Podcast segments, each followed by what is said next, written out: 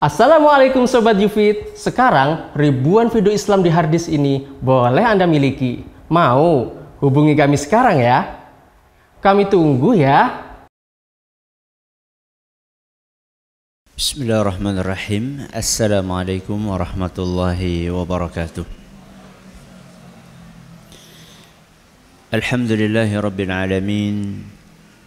Wabihi nasta'inu ala umri dunya wad din وصلى الله على نبينا محمد وعلى آله وصحبه أجمعين أما بعد Kita panjatkan puja dan puji syukur kehadirat Allah Tabaraka wa Ta'ala Pada kesempatan malam yang berbahagia kali ini Kita masih kembali diberi kekuatan, kesehatan, hidayah serta taufik dari Allah Jalla wa Ala Sehingga kita bisa kembali menghadiri pengajian rutin untuk mengkaji adab dan akhlak di dalam Islam.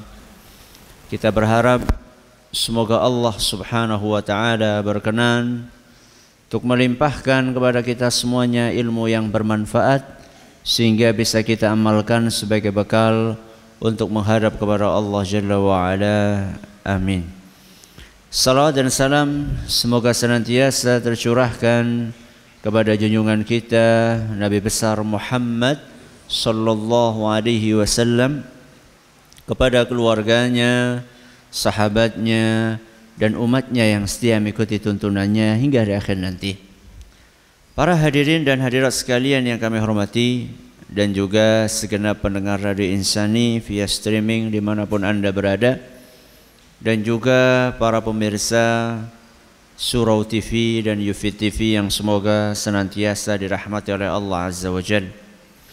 Alhamdulillah pada pertemuan yang lalu kita telah menyelesaikan hadis yang keberapa? Hadis yang kesembilan. Hadis yang kesembilan dari kitab Bulughul Maram Kitabul Jami'. Maka pada malam hari ini kita akan memasuki hadis yang ke-10. Hadis yang ke-10 yaitu hadis yang berbunyi wa anhu anin nabi sallallahu alaihi wasallam qal darinya nya di sini maksudnya adalah Abu Hurairah dari Abu Hurairah radhiyallahu anhu dari Nabi Muhammad sallallahu alaihi wasallam beliau bersabda Idza atasa ahadukum falyaqul alhamdulillah. Seandainya salah seorang di antara kalian bersin, maka hendaklah dia mengucapkan alhamdulillah. Wal yaqul lahu akhuhu yarhamukallah. Dan hendaklah saudaranya membalas dengan mengucapkan yarhamukallah. Falyaqul yahdikumullahu wa yuslihu balakum. Maka orang yang bersin menjawab lagi dengan mengucapkan yahdikumullahu wa yuslihu balakum akhrajahul bukhari hadis diriwayatkan oleh Imam Bukhari. Berarti hadis ke-10 tentang apa? Adab bersin.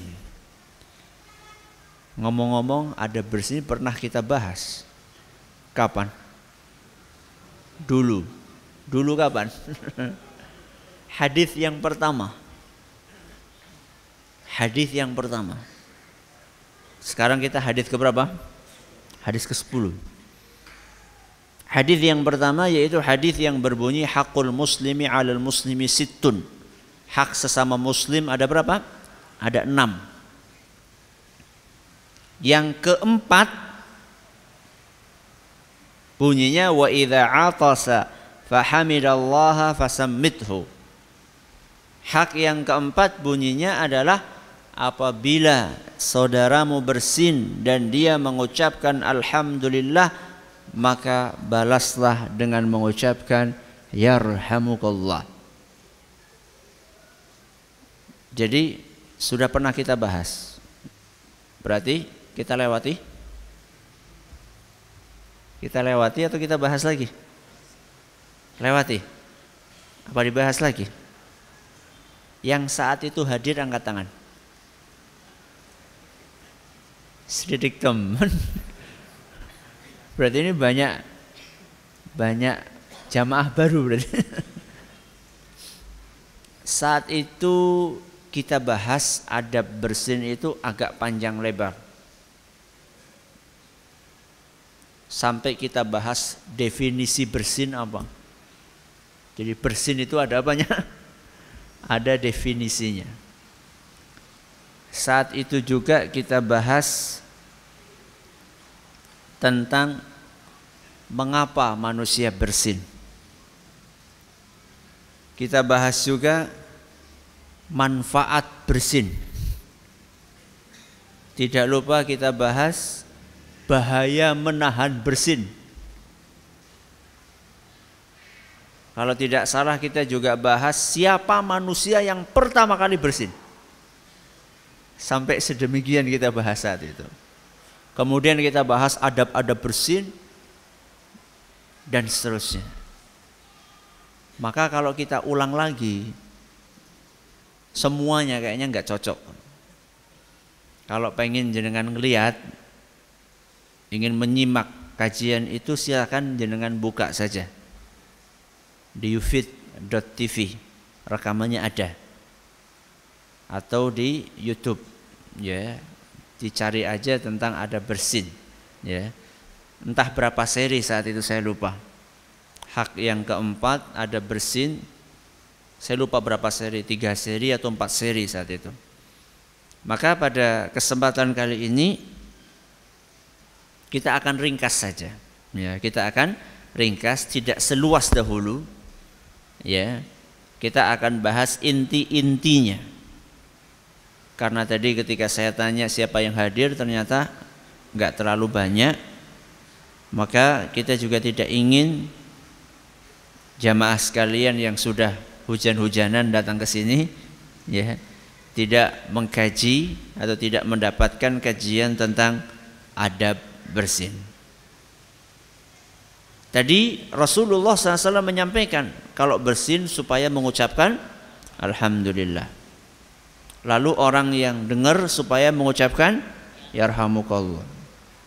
Dan orang yang bersin balas lagi Yahdikumullahu wa yuslihu balakum. Ada sebagian orang ketika mendengar hadis seperti itu dan yang serupa dia akan mengatakan segitunya si Islam. Apa? Segitunya Islam. Apa maksudnya segitunya? Kok yau wahing beti dibahas ya. Tolong dimatikan. Kok yau wahing apa wahing? Bersin saja kok dibahas? Sampai dikasih aturan ini, aturan itu dan seterusnya. Ini agama model apa toh? Sampai sekecil bersin, angub, ya, menguap, itu kok diatur? Ya.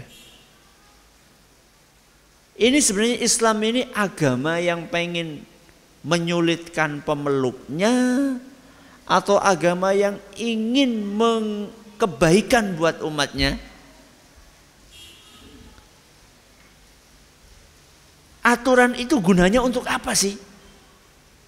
Saya pernah ngasih ilustrasi di sini tentang sekolah yang ada aturannya dengan sekolah yang tidak ada aturannya. Biasanya ketika orang tua akan memasukkan anaknya ke suatu sekolahan, kalau orang tua ini cerdas dan peduli, maka dia akan survei kecuali orang tua yang kurang peduli. Kalau orang tua yang kurang peduli memasukkan anaknya ke sekolahan, ketika ditanya, Pak kenapa anaknya dimasukkan ke sana? Anaknya pengen di sana. Kenapa sih? Teman-temannya pada di sana semua. Alasannya nggak ilmiah. Atau Kenapa Pak anaknya dimasukkan ke sana? Sing perak. Sing apa? Sing perak. Ya. Kenapa anak dimasukkan ke sana Pak? Sing gratis. Kalau orang tua dia peduli, maka dia akan survei. Akan tanya, datang. Tanya ke sekolahannya. Ketika tanya misalnya ya misalnya ada orang orang tua datang ke sebuah sekolahan. Kemudian bertanya kepada kepala sekolahnya, "Pak, sekolahan ini masuknya jam berapa?" Kata kepala sekolah, terserah. Mau masuk jam 7 boleh, jam 8 boleh, jam 10 juga boleh. Terus pulangnya jam berapa? Terserah. Mau pulang jam 11 monggo, jam 1 boleh, jam 3 juga boleh. Mau nginep juga nggak apa-apa. Pakaiannya gimana? Terserah. Mau pakai kaos monggo, mau pakai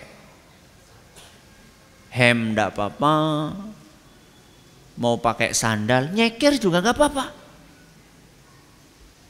Lah, pelajaran yang dipelajari apa? Ya terserah anaknya maunya apa.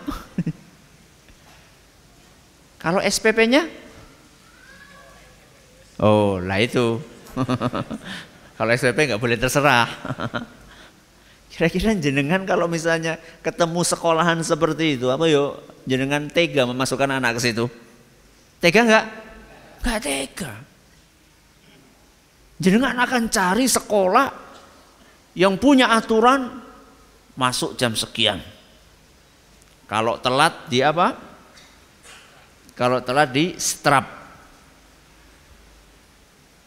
mohon maaf mobil dengan plat nomor R9204 R9204 mohon bisa uh, pindah. Mungkin ada yang mau keluar. Mungkin ada yang mau keluar. R9204 oh sekolah ini jam 7 tet harus masuk. Seragamnya hari ini anu hari ini anu hari ini anu Kurikulumnya jelas. Ada pelajaran agama, ada pelajaran umum, ada ekstra. Orang tua ketika bertemu dengan sekolah dengan seabrek aturan, dia akan lebih nyaman memasukkan anaknya ke sekolah itu dibandingkan ketika dia ketemu dengan sekolah yang tidak ada aturannya. Jadi sebuah agama yang dipenuhi dengan aturan itu menunjukkan bahwa agama ini adalah agama yang sempurna. Makanya ada apanya? Ada aturannya. Ya. Ya tergantung aturannya atau Ustadz. Ya iyalah tergantung aturannya. Islam kan bukan tipe agama yang punya prinsip kalau bisa dipersulit Kenapa dipermudah? Gitu. Ada kan ada sebagian orang, non sewu sebagian birokrat, sebagian, nggak semuanya. Punya prinsip kalau bisa dipersulit, kenapa? Dipermudah. Kalau Islam bukan seperti itu aturannya. Dalam Al-Qur'an Allah Subhanahu wa taala berfirman, "Yuridu bikumul yuridullahu bikumul yusra wala yuridu bikumul usr. Allah Subhanahu wa taala menginginkan kemudahan untuk kalian dan tidak menginginkan kesulitan. Ini Allah tegaskan dalam Al-Qur'an surat Al-Baqarah ayat 185. Jadi ketika Allah Subhanahu wa taala dan Rasulnya sallallahu alaihi wasallam membuat aturan itu bukan dalam rangka mempersulit Justru di balik aturan itu banyak sekali kemudahan. Dan ketika Islam membuat aturan, salah satu tujuannya adalah untuk memberikan manfaat sebesar-besarnya kepada pemeluk agama ini. Nanti kita akan lihat ya, nanti kita akan lihat bagaimana manfaat dari adab-adab bersin yang digariskan dalam Islam. Jadi adab bersin itu bukan hanya sekedar mengucapkan alhamdulillah, tapi ada adab-adab yang lainnya. Yang setiap adab itu pasti ada manfaatnya. Dan seandainya adab itu tidak diperhatikan akan merugikan diri sendiri dan merugikan orang lain. Contoh satu. Ketika bersin, Nabi Shallallahu Alaihi Wasallam menganjurkan kepada kita agar menutup, menutup apa? Hmm? Menutup mulut. Adab ini bukan hanya sekedar unggah-ungguh, toto kromo, etika ketimuran bukan. Akan tetapi menutup mulut ketika bersin bahkan bukan hanya mulut, menutup wajah. Nanti kita akan lihat hadisnya bukan hanya menutup mulut tapi menutup apa? wajah. Berarti masuk ke dalamnya apa? hidung. Ya. Nanti kita akan lihat manfaatnya apa. Rasulullah sallallahu alaihi wasallam bersabda dalam sebuah hadis yang diriwayatkan oleh Imam Al-Hakim dan hadis ini dinyatakan sahih oleh beliau dan Imam Az-Zahabi idza atasa ahadukum falyadha kaffaihi ala wajhihi seandainya salah seorang di antara kalian bersin maka hendaklah dia meletakkan kedua telapak tangannya di wajahnya. Di mana? Wajah. Bukan sekedar apa? Mulut. Berarti wajah itu masuk mulut, hidung, mata. Berarti kalau bersin cepat-cepat apa? Letakkan dua tangan ini di mana tadi? Di wajah. Ini hadis riwayat Al-Hakim. Dalam riwayat yang lainnya yang ada dalam Sunan Tirmizi dan beliau menyatakan hadis ini hasan sahih kana sallallahu alaihi wasallam idza atasa ghatta wajahu biyadihi au bi thawbihi Rasulullah Shallallahu Alaihi Wasallam apabila beliau bersin maka beliau menutup wajahnya dengan tangannya atau bajunya. Mungkin kalau sekarang apa? Sapu tangan atau apa? Tisu. Tapi kalau kelamaan ngambil apa? Tisu selakan apa? silahkan bres itu udah pakai apa pakai tangan saja coba perhatikan baik-baik kira-kira manfaatnya apa sih bersin tutup muka pakai tangan apa manfaatnya apa apanya virusnya tidak nyebar apa orang bersin selalu karena sakit Yang pertama yang disebut oleh para ulama adalah menghindari merugikan diri sendiri dan orang lain. Dengan apa? Jenengan pernah bersin apa enggak tuh? Ketika jenengan bersin apa yang keluar? Macem-macem. Ya. Kalau enggak lagi makan, kalau enggak lagi makan, yang keluar apa? maaf air dari mulut dan air dari mana? air dari hidung. Dan bukan sembarang air ini. Ini cairan, cairan yang kental. Ya. Jangan bisa bayangkan coba. Kalau bersin nggak ditutup. Lagi ngobrol sama orang coba. Dan saat itu dia nggak nunduk tapi malah madep mengarepin jajal. Kayak ngapa jajal akibatnya? Iya kalau yang keluar cuma dari mulut, kalau yang keluar dari hidung juga. Kan dapat rezeki nomplok orang yang di depannya. Itu kalau dia lagi nggak makan. Kalau lagi makan, kadang-kadang sisa-sisa nasi kan yang namanya bersin kan nggak ngasih tahu. Ya. Sering kita itu nggak bersin itu nggak ngasih kesempatan kita untuk ngelek nasi gitu loh. Jadi dia tuh nggak ngabar-ngabari nanti kalau bersin jam sekian ya. Tolong diselesaikan apanya? Ngunyahnya dilek sisan. Kan enggak kan? Tengah-tengah kita lagi ngunyah baru kita ngunyah berapa kali toh? Masa lupa dulu ketika SD kita diajarin ngunyah berapa kali? 40 suwe banget ya. baru lima kali ngunyah Berarti kan segane siapa? Si blodo Bisa jenengan bayangkan kalau misalnya kita ini nggak tutup mulut, itu yang keluar masya Allah. Ya. Maka Islam ketika membuat aturan seperti ini, itu bukan dalam rangka untuk mempersulit pemeluk agama ini, bukan. Tapi untuk mendatangkan manfaat kebaikan. Ya. Apakah hanya sekedar menutup mulut dan muka saja? Tidak. Adab yang kedua, Rasulullah Sallallahu Alaihi Wasallam menganjurkan agar ketika kita bersin menurunkan volume suara. Apa? menurunkan volume suara.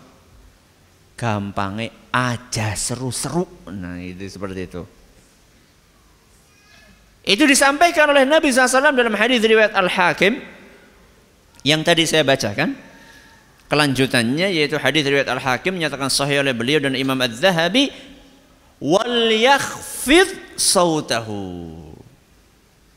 Dan hendaklah Ketika dia bersin, dia rendahkan volume suaranya. Sebagian orang mengatakan Ustadz orang marem. Ada sebagian orang kalau bersin itu wong se-RT kerungu kabeh. Saking apa nih? Saking seru nih. Bahkan sengaja dikeraskan. Dan itu tidak sesuai dengan tuntunan Rasul SAW. Rasulullah SAW menganjurkan agar direndahkan semampunya. Tapi juga bukan rendah serendah-rendahnya sampai nggak kedengaran. Kalau sampai nggak kedengaran nanti orang mau yarhamukallah gimana? Ya. Jadi yang wajar sajalah bersihnya. Loh kenapa Ustadz? Manfaatnya apa? manfaatnya nggak ngagetin orang. Ya. Mungkin ada orang di sampingnya sedang baca Al-Qur'an atau mungkin ada bayi yang baru ditidurkan susah-susah oleh ibunya. Seperti yang saya sampaikan pada beberapa kesempatan, ibu-ibu itu mengumpamakan bayi yang baru tidur seperti naruh apa? Naruh bom. Ya. Ibu-ibu yang baru punya anak, ya, untuk menidurkan anak itu gampang apa sulit? Sulit. Goleng ngemban supaya bisa tidur, dilus-lus, dikipas-kipas, dineneni. Kalau duduk nangis, harus di mana? Harus dibawa jalan-jalan. Itu bisa sampai setengah jam sendiri. Ketika meletakkannya alon-alon banget. Supaya nggak bangun. Begitu berhasil satu menit ramane wahing suruh nepol. Coba bayangkan. Nangis lagi. Ini anjuran dari Nabi SAW setiap adab setiap etika yang diatur dalam agama kita itu pasti mendatangkan kebaikan, pasti. Baru berapa ini? Dua. Yang ketiga yang disebutkan dalam hadis yang ke-10 yang ada dalam kitab Bulughul Maram, Kitabul Jami. yaitu sabda Nabi sallallahu alaihi wasallam idza atasa ahadukum falyaqul alhamdulillah apabila salah seorang dari kalian bersin maka hendaklah dia mengucapkan alhamdulillah Pembahasan tentang adab ini yaitu mengucapkan alhamdulillah ketika bersin satu redaksi alhamdulillahnya seperti apa? Dua, hukum mengucapkan alhamdulillah apa? Tiga, kalau bersinnya ketika sholat bagaimana? Empat, kalau bersinnya di kamar mandi gimana? Lima, kalau bersin yang bersin itu bayi yang belum bisa mengucapkan Alhamdulillah kepriwe. Enam, kenapa kita mengucapkan Alhamdulillah ketika bersin? Bukan innalillahi wa inna ilaihi raji'un.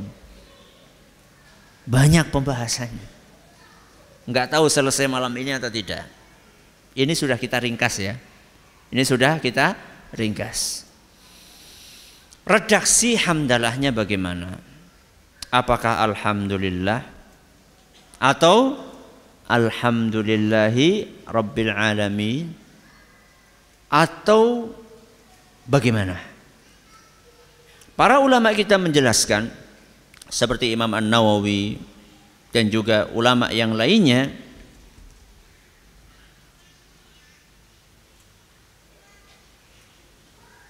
seperti Imam Ibnu Hajar Al-Asqalani rahimahumallah bahwa redaksinya jenengan boleh milih. Redaksinya, redaksi hamdalahnya boleh milih antara alhamdulillah ini yang paling apa? pendek atau alhamdulillahi rabbil alamin agak panjang dikit atau Alhamdulillahi ala kulli hal. Apa? Alhamdulillahi ala kulli hal. Yang paling baru yang mana? Sing nomor telu. Alhamdulillah ala kulli hal. Tiga-tiganya ini ada hadisnya. Yang pertama alhamdulillah. Hadisnya tadi yang kita baca. Yaitu hadis nomor 10 dalam kitab Bulughul Maram, Kitabul Jami'. Yaitu sabda Nabi sallallahu alaihi wasallam, "Idza atasa ahadukum falyaqul alhamdulillah." Seandainya salah seorang dari kalian bersin, hendaklah dia mengucapkan alhamdulillah. Titik utuh ditambah titik buatan tapi alhamdulillah atau pilihan yang kedua mengucapkan alhamdulillahirabbil alamin. Dalilnya adalah sebuah asar ya yang dinilai oleh para ulama levelnya seperti hadis ya yaitu yang disebutkan dalam Mustadrak Imam Al-Hakim dari Ibnu Mas'ud radhiyallahu anhu beliau berkata idza atasa ahadukum falyaqul seandainya salah seorang dari kalian bersin hendaklah dia mengucapkan alhamdulillahi rabbil alamin apa Alhamdulillahi Rabbil Alamin. Sampun pinten niki? Kalih. Ya, yang pertama Alhamdulillah, yang kedua Alhamdulillahi Rabbil Alamin. Yang ketiga apa tadi? Alhamdulillah ala kulli hal.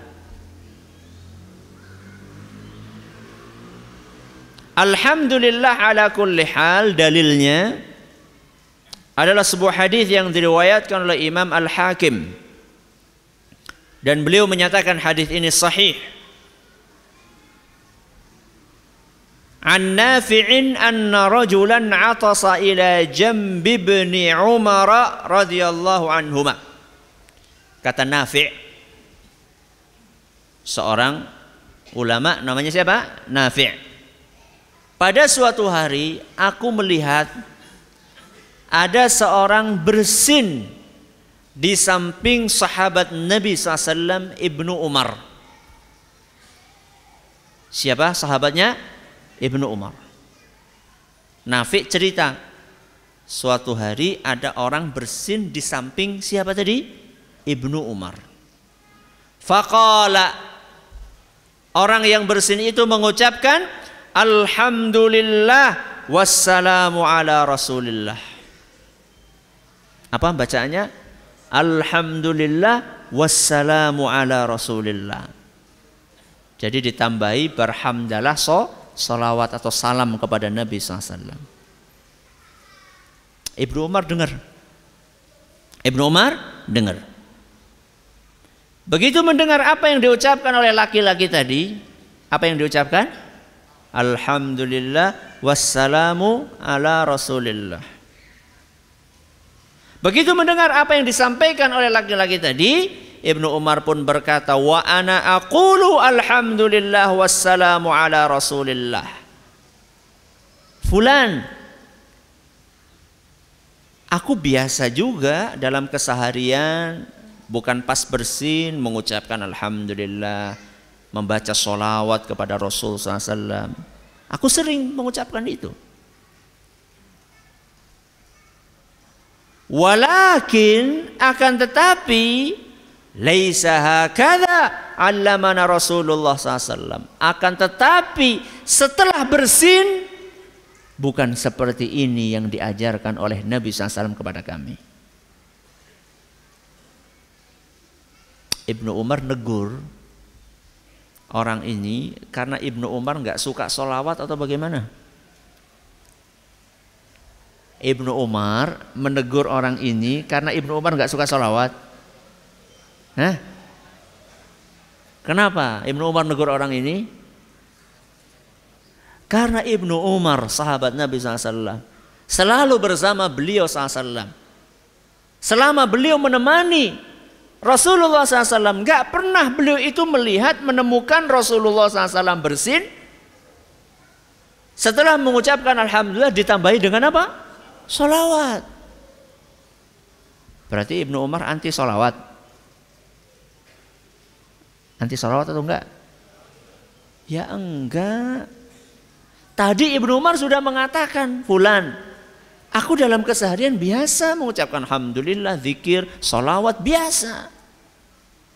Tapi momennya sekarang itu enggak pas. Jadi yang namanya zikir itu orang sing penting ucapannya bener. Tapi perlu kita tahu momennya pas atau tidak. Coba saya tanya sama jenengan. La ilaha illallah. Kalimat mulia atau tidak? Mulia. Bagus atau tidak? Bagus. Ne ana wong salat. Tanggane Allahu Akbar. Dheweke La ilaha illallah. Pripun? Sae napa mboten? Berarti jenengan anti la ilaha illallah. Nggih. Nggih. Anti la ilaha illallah? Bukan. Ora pas golek ngebrokaken. Ya. Ketika ada orang pakai peci di kaki.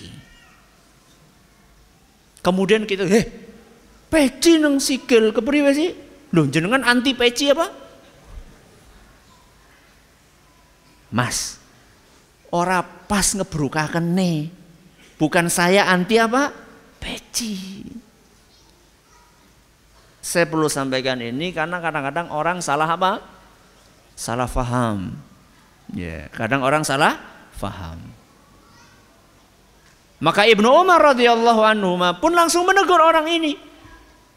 Lisa hakadha allamana Rasulullah SAW. Rasulullah SAW nggak pernah ngajarkan kami seperti itu. Setelah apa tadi?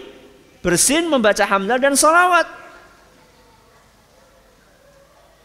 Allamana an naqul justru yang diajarkan oleh Rasulullah SAW kepada kami adalah Alhamdulillah ala kulli hal. Ini dalilnya. Berarti sudah berapa ini? Tiga. Apa yang pertama? Alhamdulillah. Yang kedua? Alhamdulillah Rabbil Alamin. Yang ketiga? Alhamdulillah ala kulli hal. Milih sing? Oh, sing gampang. boleh. Mau pakai alhamdulillah boleh. Mau pakai apa tadi? Alhamdulillah Rabbil Alamin boleh mau pakai alhamdulillah ala kulli hal juga boleh monggo alhamdulillah rabbil alamin wassalatu wassalamu ala nabiyyina muhammadin wa ala alihi wa sahbihi ajma'in wa ba'd jadi ringkasannya adalah bahwa Islam mengajarkan adab sedetil mungkin dalam hal-hal yang mungkin kita anggap remeh itu dalam rangka untuk memberikan manfaat dan kebaikan sebesar-besarnya kepada umatnya. Kita bawakan berapa adab tadi? Berapa adab? Tiga. Yang pertama apa? Menutup wajah ketika bersin. Apa manfaatnya? Tidak merugikan orang lain terutama ya dan juga ada sebagian ulama tadi menambahkan selain supaya apa yang keluar dari mulut ini tidak merugikan orang lain berupa air liur, air ludah, kemudian eh, apa namanya ingus dan lain sebagainya juga ada sebagian ulama menambahkan virus. Apa? Virus. Terutama bagi mereka yang sedang sakit. Ya makanya sekarang pun dalam dunia kedokteran itu kan di rumah sakit rumah sakit e, kalau bersin supaya apa? Supaya pakai tisu kemudian atau pakai apa pakai masker itu semuanya sebelum para dokter berbicara Rasulullah SAW sudah apa sudah mengajarkan hal tersebut yang kedua apa tadi menurunkan, merendahkan volume suara ketika bersin tapi ya sekedar terdengar saja, sekedar terdengar saja tidak perlu dimaksimalkan. Tidak perlu dipolkan volumenya. Kemudian yang ketiga mengucapkan hamdalah dan redaksi ucapan hamdalah itu bisa dengan apa tadi? Alhamdulillah atau Alhamdulillahirabbil alamin atau Alhamdulillah ala kulli hal. Kalau Alhamdulillah kita tahu artinya segala puji bagi Allah. Alhamdulillah Rabbil Alamin kita juga tahu segala puji bagi Allah Rabb semesta alam. Nah yang mungkin banyak yang belum tahu atau sebagian belum tahu adalah Alhamdulillah ala kulli hal. Ala kulli hal artinya itu adalah dalam segala kondisi apa? Dalam segala kondisi. Alhamdulillah segala puji bagi Allah dalam segala kondisi. Apa maksudnya? Segala kondisi itu maksudnya adalah kondisi susah maupun kondisi senang. Kondisi sehat maupun kondisi sakit. Kondisi kaya maupun kondisi miskin. Itulah arti ala kulli hal. Jadi hadis ini mengajarkan kepada kita agar kita itu senantiasa memuji Allah kondisi apa pun yang kita alami. Ustadz walaupun kondisi susah, walaupun kondisinya susah. Ya. Banyak di antara kita kalau dagangannya laris, alhamdulillah. Nek lagi sepi? Jangan priwe. Dalam segala kondisi. Loh, berarti alhamdulillah gue seneng. Loh, tadi kan sudah disampaikan, alhamdulillah ala kulli hal. Ya. Makanya ada sebagian ulama mengatakan kalau kamu lagi sakit ditanya keadaanmu sama temanmu priwe alhamdulillah ala kulli hal apa alhamdulillah ala kulli hal alhamdulillah dalam segala kondisi. Karena apa pun yang ditakdirkan oleh Allah itu yang terbaik. Ya. Kita sehat itu yang terbaik. Kita sakit itu yang terbaik.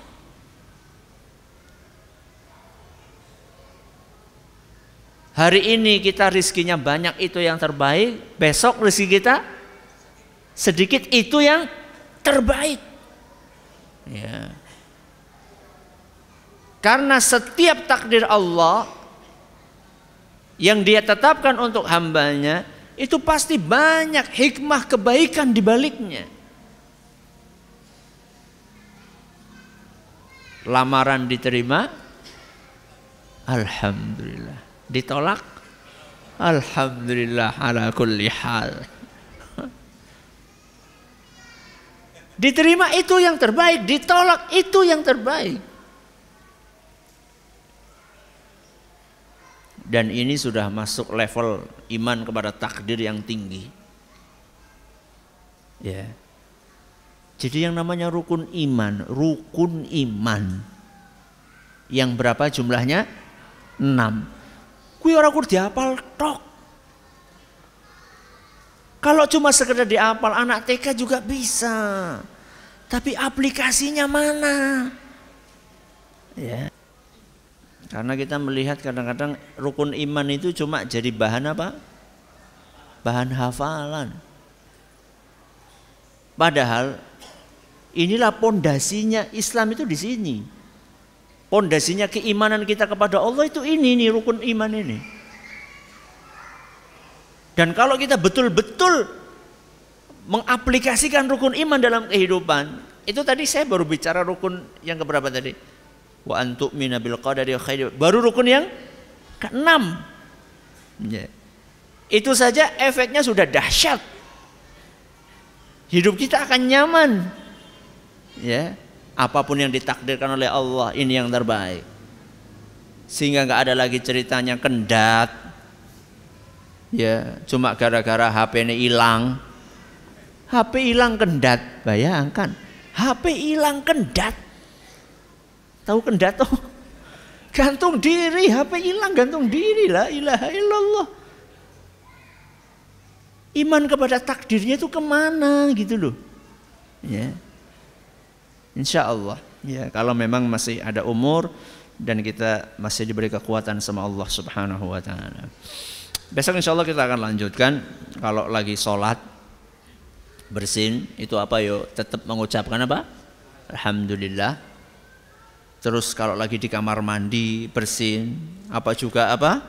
Alhamdulillah. Terus tadi bayi kalau bersin apa diwarai Alhamdulillah apa kepriwe ya. Itu insya Allah kita bahas pada pertemuan yang akan datang. Mudah-mudahan cukup waktunya sekaligus kita bahas kenapa kok yang diucapkan apa? Alhamdulillah bukan bacaan-bacaan yang lainnya.